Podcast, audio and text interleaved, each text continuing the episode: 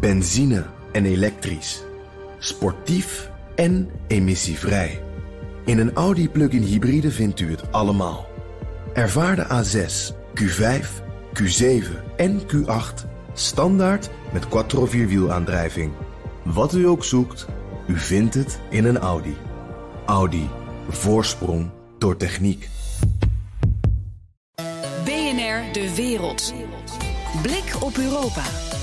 Een herhaling van de vluchtelingencrisis van 2015 voorkomen. Voor die taak staan de Europese ministers die op dit moment in vergadering zijn. Italië heeft dit jaar al 85.000 migranten ontvangen. En daarmee is wat betreft Rome de maat vol. Europa-verslaggever Jesse Pinster, wat is de Italiaanse oplossing? Hoor ze wel dreigen van uh, tot zo en niet, niet verder, maar wat is de oplossing? Nou ja, ze zouden graag zien dat andere Europese landen hun havens openen. Dus dat migranten vanuit de Middellandse Zee direct naar Frankrijk, naar Spanje. Rotterdam. Uh, Rotterdam, Scheveningen gebracht zouden uh, kunnen worden.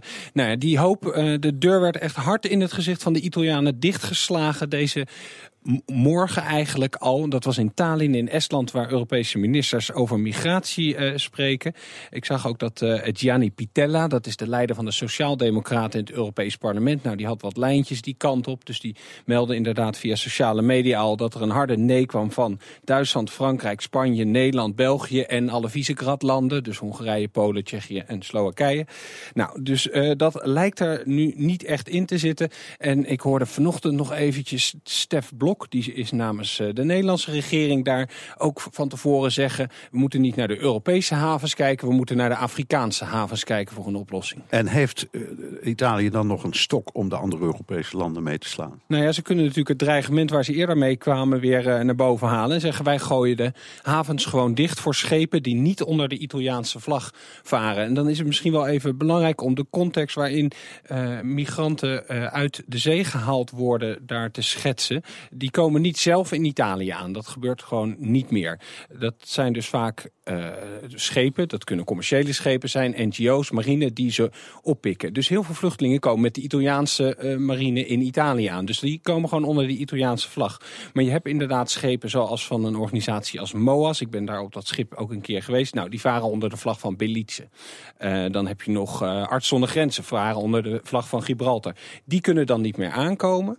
Nou, wat hebben de Italianen nog voor andere uitweg? Ze denken het via Frontex volgende week te kunnen gaan regelen. Daar is een overleg. Dat is de, dat, de Europese grensbewaking. De Europese grens, ja, die zou dat moeten uh, gaan doen. Dat ze naar andere landen vervoerd moeten worden. Dat lijkt een wat vreemde oplossing. Om te beginnen, de Frontex-schepen die nu in de Middellandse Zee uh, varen. Ik heb nog iemand gesproken die daar op dit moment is. Die zijn ver uit de kust, halen eigenlijk geen migranten uit, uit de zee. Brengen ze ook niet naar Italië. Dus die zouden dat dan ineens moeten gaan doen. Maar daarnaast het zijn uiteindelijk de Europese landen die bepalen wat Frontex doet en schepen leveren, ook Nederland.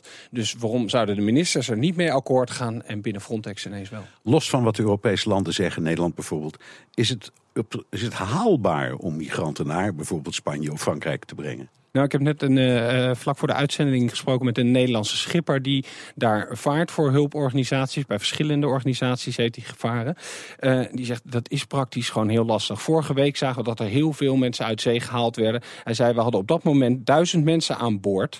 We hebben simpelweg niet genoeg eten om ze helemaal naar Frankrijk te varen. Uh, er zijn te weinig toiletten. Die mensen slapen allemaal nou gewoon op het uh, dek. Dan zei ja, wat willen ze gaan doen? Cruiseschepen inhuren? Nou ja, als je zoiets zou willen gaan doen, dan moet je aan zulke oplossingen bijna gaan denken. Want in de manier waarop het nu gaat, kan je die mensen niet langer dan twee à drie dagen op een schip hebben. Nog heel, even, nog heel kort. Heeft de Europese Commissie, dus de Raad van Ministers van ons Europa, een oplossing? Nee. Ze hebben een plan wel een actieplan gepresenteerd. En dat zijn eigenlijk heel veel oude plannen. En daar moet dan weer meer geld voor komen. En het is ontzettend belangrijk dat er veel solidariteit is binnen Europa. Nou, we hebben gezien wat de herverdeling vanuit Griekenland en Turkije in de afgelopen twee jaar heeft opgeleverd. Ik heb de cijfers nog even bijgezocht. 18.000 vluchtelingen zijn er verdeeld. 160 hadden dat daar in september, aankomende september, moeten zijn. Die solidariteit binnen Europa. Ik denk dat je het uh, met die kreet niet gaat redden. Dankjewel, Europa-verslaggever Jesse Pinster. Benzine en elektrisch. Sportief en emissievrij. In een Audi plug-in hybride vindt u het allemaal. Ervaar de A6, Q5, Q7 en Q8 Standaard met quattro vierwielaandrijving. Wat u ook zoekt, u vindt het in een Audi. Audi. Voorsprong door techniek.